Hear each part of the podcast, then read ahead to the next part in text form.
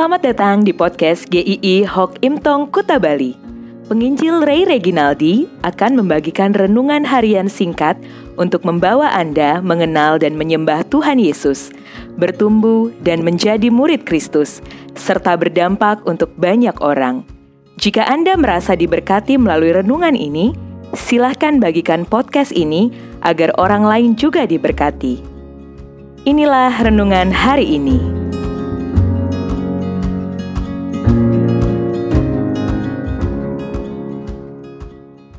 Ruang tunggu. Ratapan 3 ayat 25 Tuhan adalah baik bagi orang yang berharap kepadanya Bagi jiwa yang mencari dia. Adalah baik menanti dengan diam pertolongan Tuhan. Jika kita masuk ke ruang tunggu Kadangkala kita bisa merasakan satu perasaan yang tidak enak ada kalanya ketika antrian itu begitu panjangnya, kita harus menunggu dalam waktu yang lama.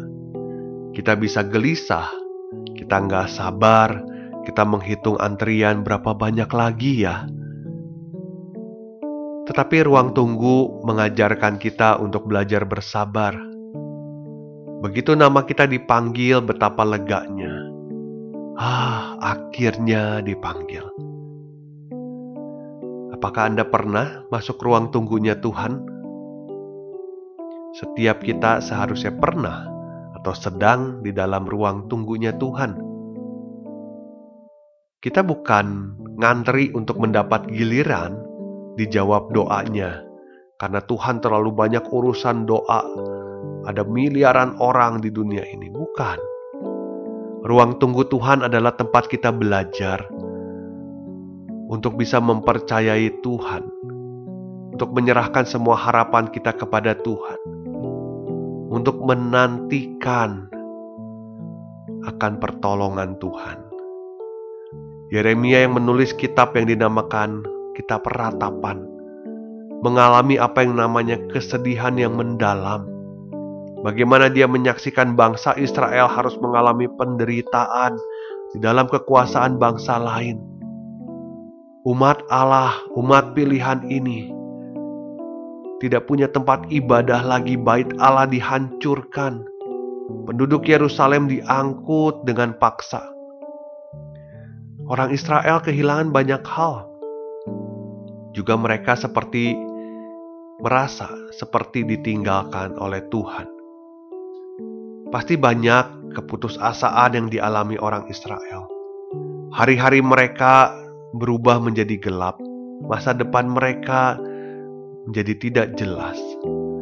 Mereka tidak berdaya, mereka tidak bisa menyelamatkan diri mereka sendiri.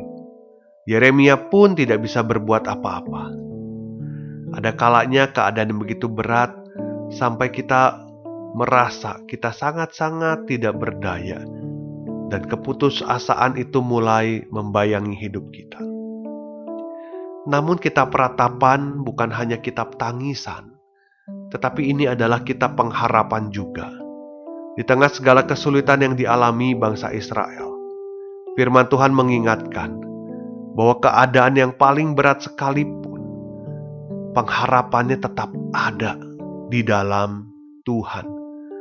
Tuhan adalah baik bagi orang yang berharap kepadanya, bagi jiwa yang mencari Dia. Atau kalimat ini juga bisa berarti seperti ini. Tuhan adalah baik bagi orang yang menantikan Dia, bagi orang yang sabar menunggu Dia. Berharap kepada Tuhan seperti kita masuk ruang tunggu Tuhan. Yang kita nantikan hanyalah Tuhan itu sendiri, bukan yang lain.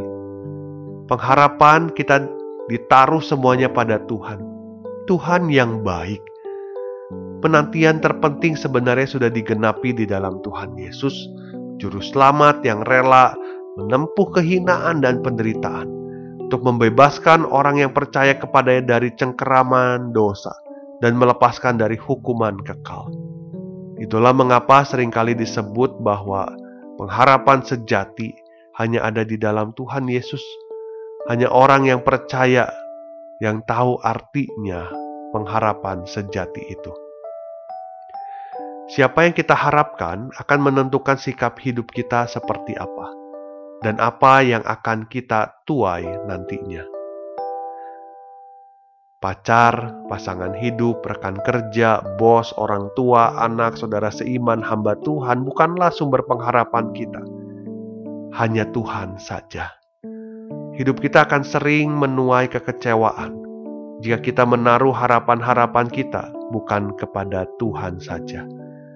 Belajarlah untuk menantikan Tuhan dengan sepenuh hati, menaruh pengharapan yang sungguh kepadanya. Duduklah di ruang tunggu itu dengan penuh iman dan pengharapan kepada Tuhan. Sekalipun kehidupan ini ada kala yang mengecewakan, tetapi menantikan Tuhan itu tidak pernah mengecewakan. Amin.